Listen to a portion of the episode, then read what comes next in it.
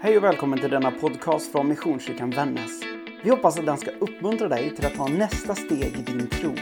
Om du vill ha mer koll på vad som händer hos oss, gå in och följ Missionskyrkan Vännäs på Facebook och Instagram eller kontakta oss via vår hemsida www.missionskyrkanvannas.se. Välkommen hem hit. Hej och välkommen på gudstjänst i Missionskyrkan Vännäs. Idag är temat i kyrkåret enheten i Kristus. Och jag skulle vilja börja med eh, att du hänger med mig till Johannes evangeliet 17 kapitel, verserna 18 till 23. Och det här är Jesus som ber de här orden. Så som du har sänt mig till världen, så har jag sänt dem till världen. Och jag helgar mig för dem, för att också de ska vara helgade i sanningen. Men jag ber inte bara för dem, utan också för dem som kommer att tro på mig genom deras ord. Jag ber att de alla ska vara ett och att de ska vara i oss liksom du, Far, är i mig och jag i dig. Då ska världen tro att du har sänt mig och den härlighet som du gett mig har jag gett till dem för att de ska vara ett liksom vi är ett. Jag är dem och du är mig så att de är fullkomligt förenade till ett.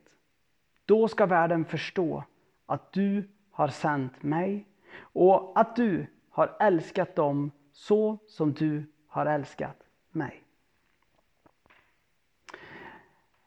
Den här texten den kallas i vissa svenska översättningar Jesu överprästerliga bön.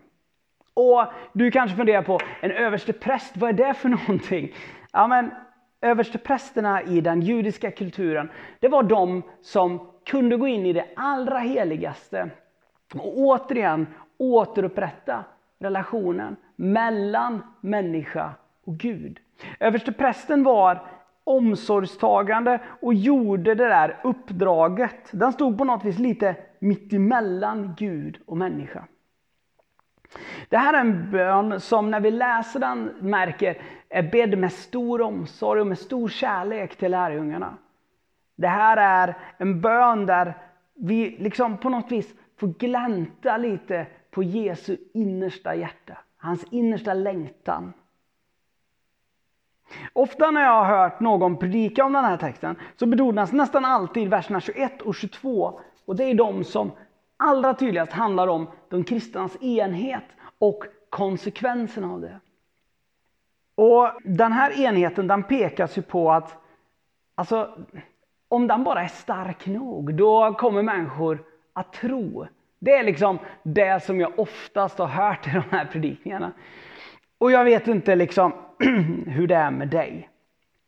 Jag kom i alla fall inte till tro genom att jag såg att människor var så goda mot varandra. Jag kom inte till tro genom att de kristna var helt överens. Faktum är att på det liksom lägret där jag tog eh, mitt beslut om att bli kristen så var det faktiskt människor som var väldigt oense om rätt så mycket kring tron. Men det på något vis, det gjorde ingen skillnad, i alla fall för mig. Men om vi nu ska ta det där med den kristna enheten som någonting otroligt viktigt i den här texten. Jag menar, det kan ju ändå vara ett bra säljargument för den kristna tron. Se, de håller ju sams på ett så bra sätt. Ja, men så tror jag att vi måste lyfta det utifrån två perspektiv. Det ena det är att vi kan verkligen se att det här är en djup längtan hos Jesus. Att han längtar verkligen efter en enhet, en styrka, en stabilitet de kristna emellan. Och på något vis, när han då ska samla kyrkan och be för dem det sista, det som då ska bli kyrkan. Då ber han, om, ber han till Gud om att kyrkan ska vara enad. Det är med andra ord någonting som är viktigt för Jesus. Det andra det är att vi perspektivet som vi behöver titta lite på, det är vad Jesus precis har gjort före i kapitel 16.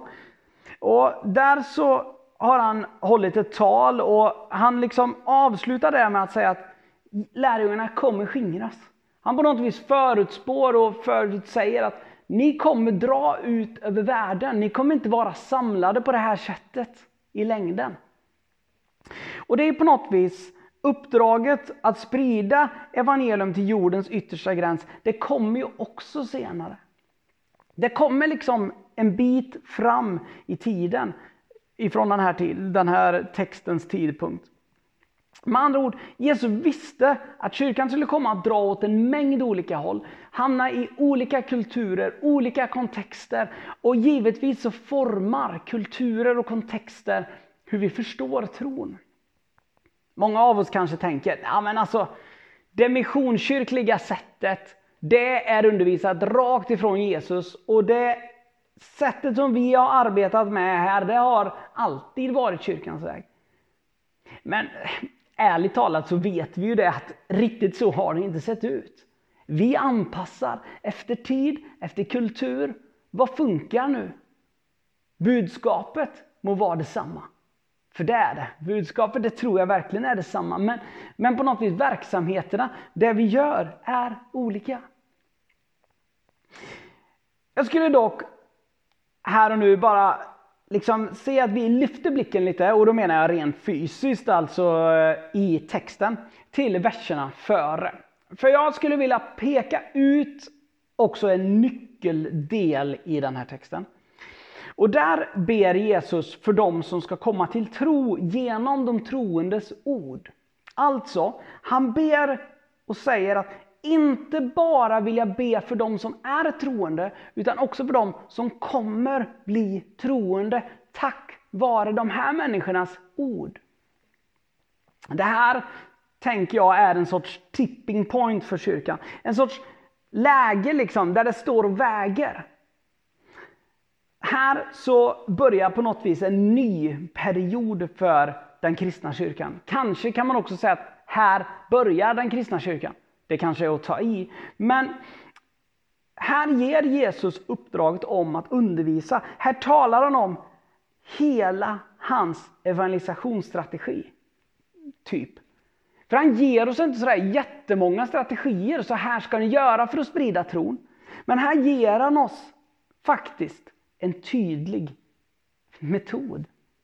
Genom att tala om Jesus.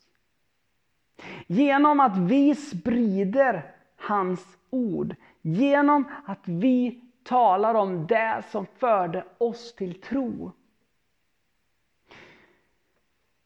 Om vi skulle ta och kolla alla som tittar på den här predikan.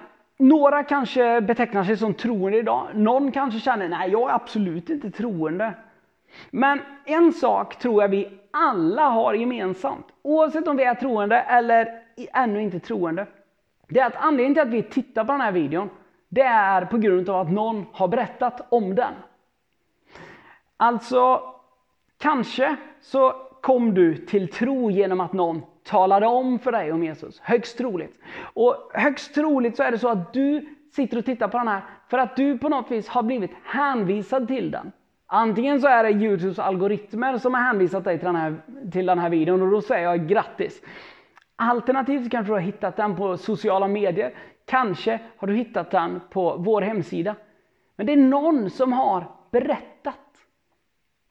Och hur jag än vrider och vänder den här texten vi har framför oss så är det på något vis som att den där djupaste längtan i bönen är ju enhet.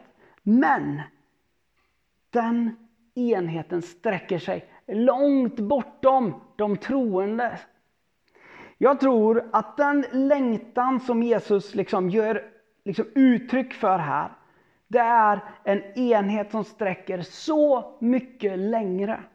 Det är en enhet och där han ber om att snarare alla människor ska enas.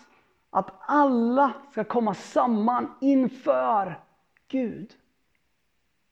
Kanske ett sätt att betona att den där liknelsen om den förlorade sonen, att Gud längtar efter att vi ska komma till honom. Kanske är det så att den här bönen är Jesus sista påminnelse om att vägen till Fadern är alltid öppen för vem som helst som ännu vill vandra den. Låt oss be.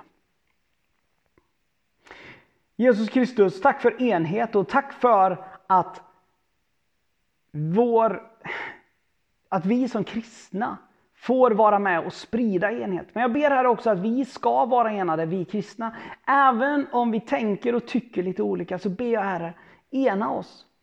Men så ber vi för hela vår värld, att hela vår värld ska enas. Jag ber att alla ska enas inför dig Herre. Att alla människor ska få fatt i det som är din djupaste längtan, att alla ska bli ett tillsammans med dig. Jag ber så i ditt heliga namn.